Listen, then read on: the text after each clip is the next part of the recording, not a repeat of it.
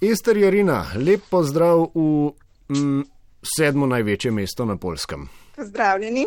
Bidgošč, ne? Uh, če črkujem BYDGOSZCZ, ja.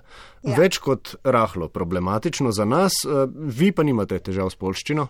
Uh, zdaj že kar velik boš, tako da trenutno ne več. Uh mhm, -huh. Se je bilo težko naučiti, oziroma kje ste se učili? V bistvu naučila sem se prek uh, Cimre, ko sem študirala, ona je bila poljakinja in prek razumevanja. Tako da bolj po posluhu, ker še vedno je pa slovanski jezik in ni spet tako težko razumeti, ko večkrat slišiš, je pa zelo težko pač pisanje. Zelo težko in ga tudi zdaj še kar imam probleme s tem. Mhm, glede na to, da vam govorjena beseda ne dela več težav, a TV serije in filme že lahko gledate, mislim, Poljaki so, pa mislim, da še Rusi, ne vem, če še kak narod, e, eni redkih, ki v celoti sinhronizirajo vizualno umetnost in to z glasom enega samega govorca. A ni to nekaj, kar uniči film? Ja, tega enostavno, to se ne moreš navaditi, tako da tako ne, nikoli ne gledam, ker enostavno je za nas zelo čudno. Tudi ker je monotono govorjenje in v bistvu sploh ne uživaš filma. No. Če vas prav razumem, že pet let torej ne gledate filmov. Uh, preko interneta pa v bistvu imamo tudi povezave z slovenskimi programi. Na polski televiziji pa pač ne. Ne, na uh, polski pa. V kolikšni meri pa si lahko na polskem pomagaš z angliščino? Najbrž je bilo to na začetku relevantno, ne? Ja, na začetku še posebej tlak, ker sem ta bitgošč, v bistvu angliško še posebej starejša generacija. Težko razumejo, no, tudi ta mlajša oziroma moja generacija se počasi celo bojijo. In tako je bilo naprimer tudi z mojo cimro, poljakinjo, ona vse razume, ampak pač je bilo strah in ko je videla, da razumem polsko dovolj, smo prvi nehali v angleščini komunicirati, ker enostavno jim ni. Odobno, ja, ampak ne govorite toliko o nekem ne vem, eh, nacionalnem ponosu ali pa odločitvi, da ne bi o strahu govorite. Um, ja, v bistvu ta starejša generacija bi rekla, mogoče ima ta nacionalnost tudi, da pač, ker si na polskem, da moraš znati polsko. Uh mhm. -huh.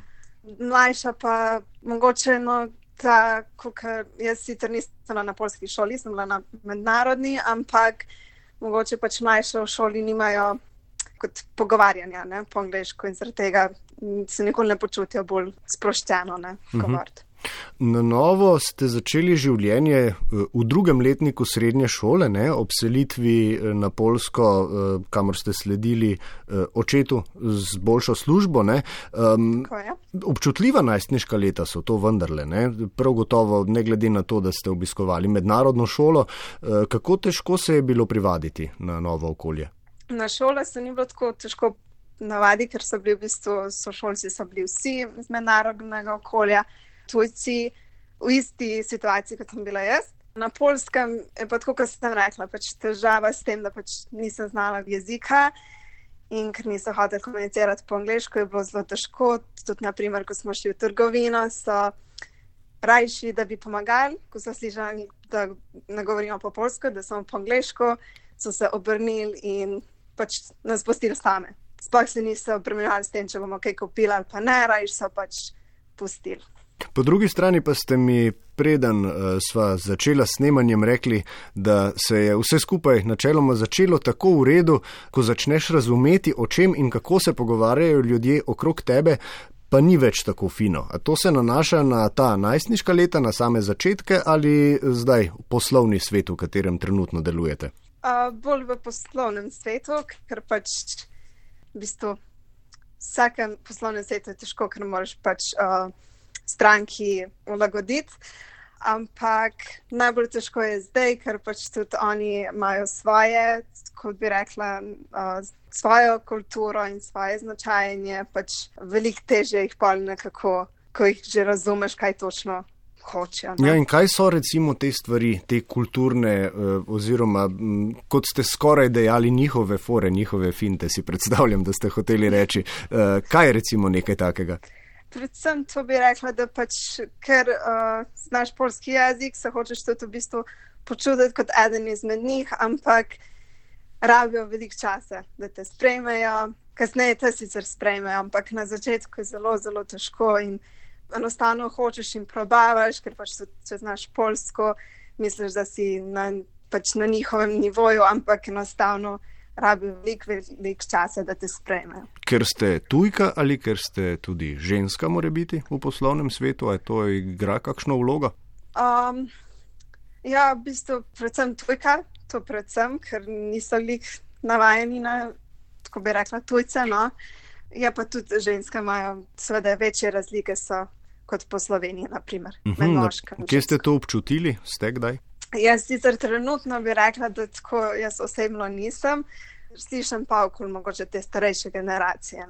Uh -huh. Kaj ste se še naučili o njihovi kulturi? Kaj recimo treba vedeti o Poljakih, da se lahko tam v redu umestiš eh, ali pa naprimer česa nikakor ne storiti? Predvsem, ker so pač počasi zaupljivi, moraš biti predvsem ne tako odprt, da se pač ne ustrašijo in da te ne vidijo kot kakšnega usiljivca. No? Tako malo so nacionalistični, tako da moraš tudi včasih paziti, da kaj ne rečeš na robe.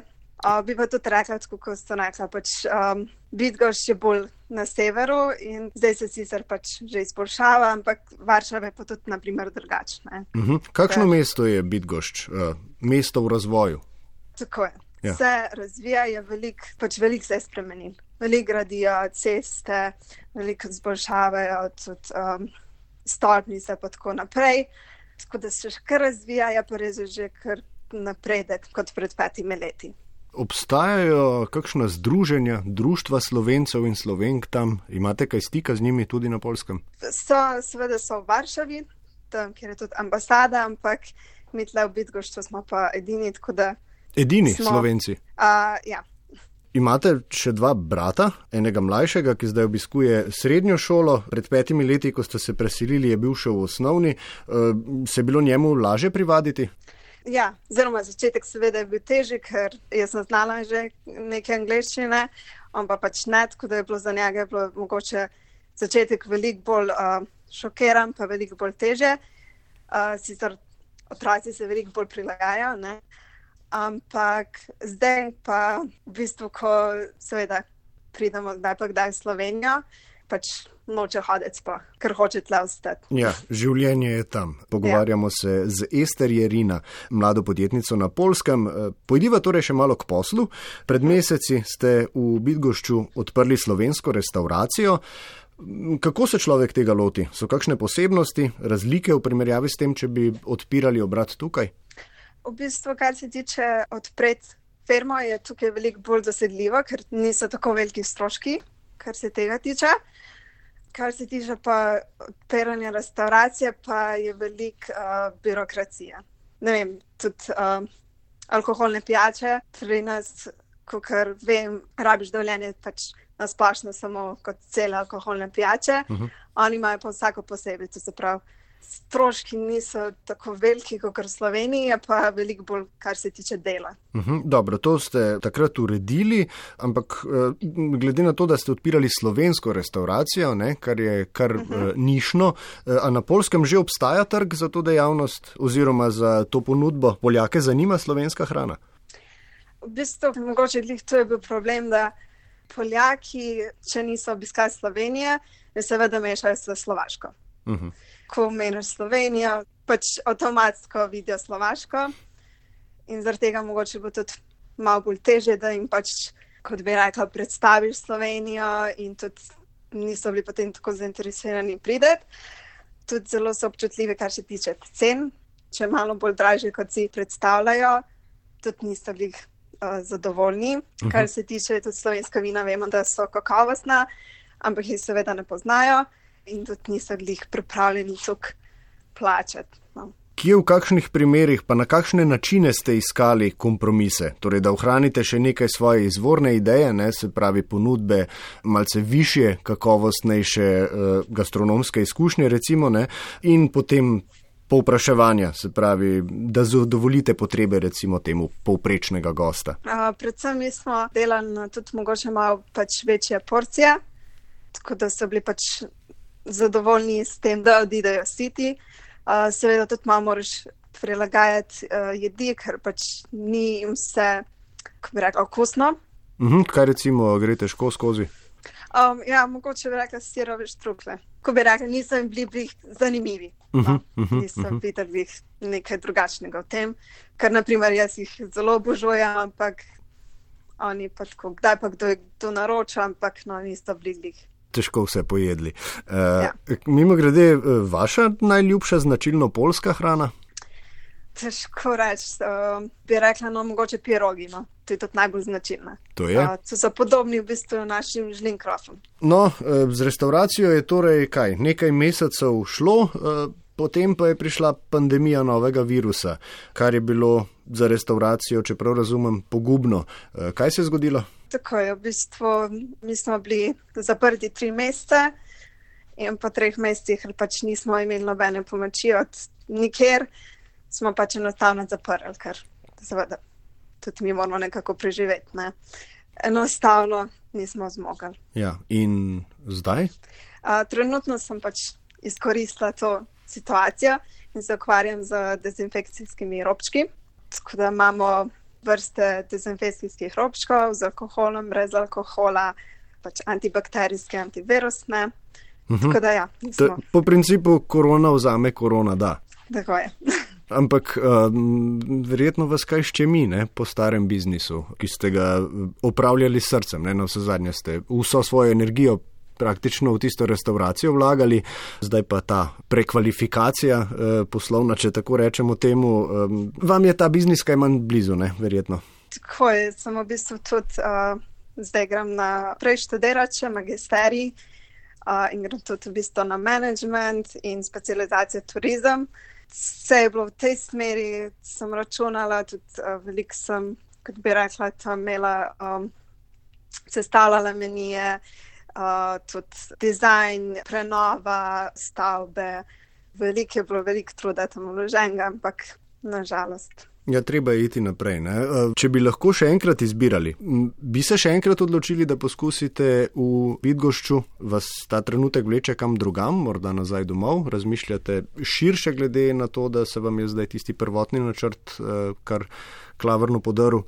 Tako domov ne razmišljam o tem, seveda razmišljam mogoče kakšno še drugo državo, že zaradi sebe, ker sem še mlada in hočem malo več kot bi videti. Ampak trenutno mogoče edim kakšno drugo mesto tukaj na Polskem. Mhm, Domov pa ne gremo. Ne, to pa ne. Domov pa ne. Kaj polskega bi, če bi bilo to mogoče, eh, preslikali, prenesli v Slovenijo in obratno? Kot sem že omenila, uh, kar se tiče Slovenije, smo veliko bolj odprti do tujcev, veliko bolj jih hočemo tudi pomagati. Tudi pri nas je, kot bi rekla, tudi večinoma dostopnost v angleščini in tu predvsem tega mi manjka. Tukaj Ja. ja. Slovenijo iz Polske bi pa mogoče ljudje so bolj, kar se tiče sproščeni. Um, Nim ni problem, da jim čakati v vrsti nekaj časa. So kot zanimivost tudi so zelo velike vrste, ne vem, do najboljših vem, pekaren ali pa slaščičaren.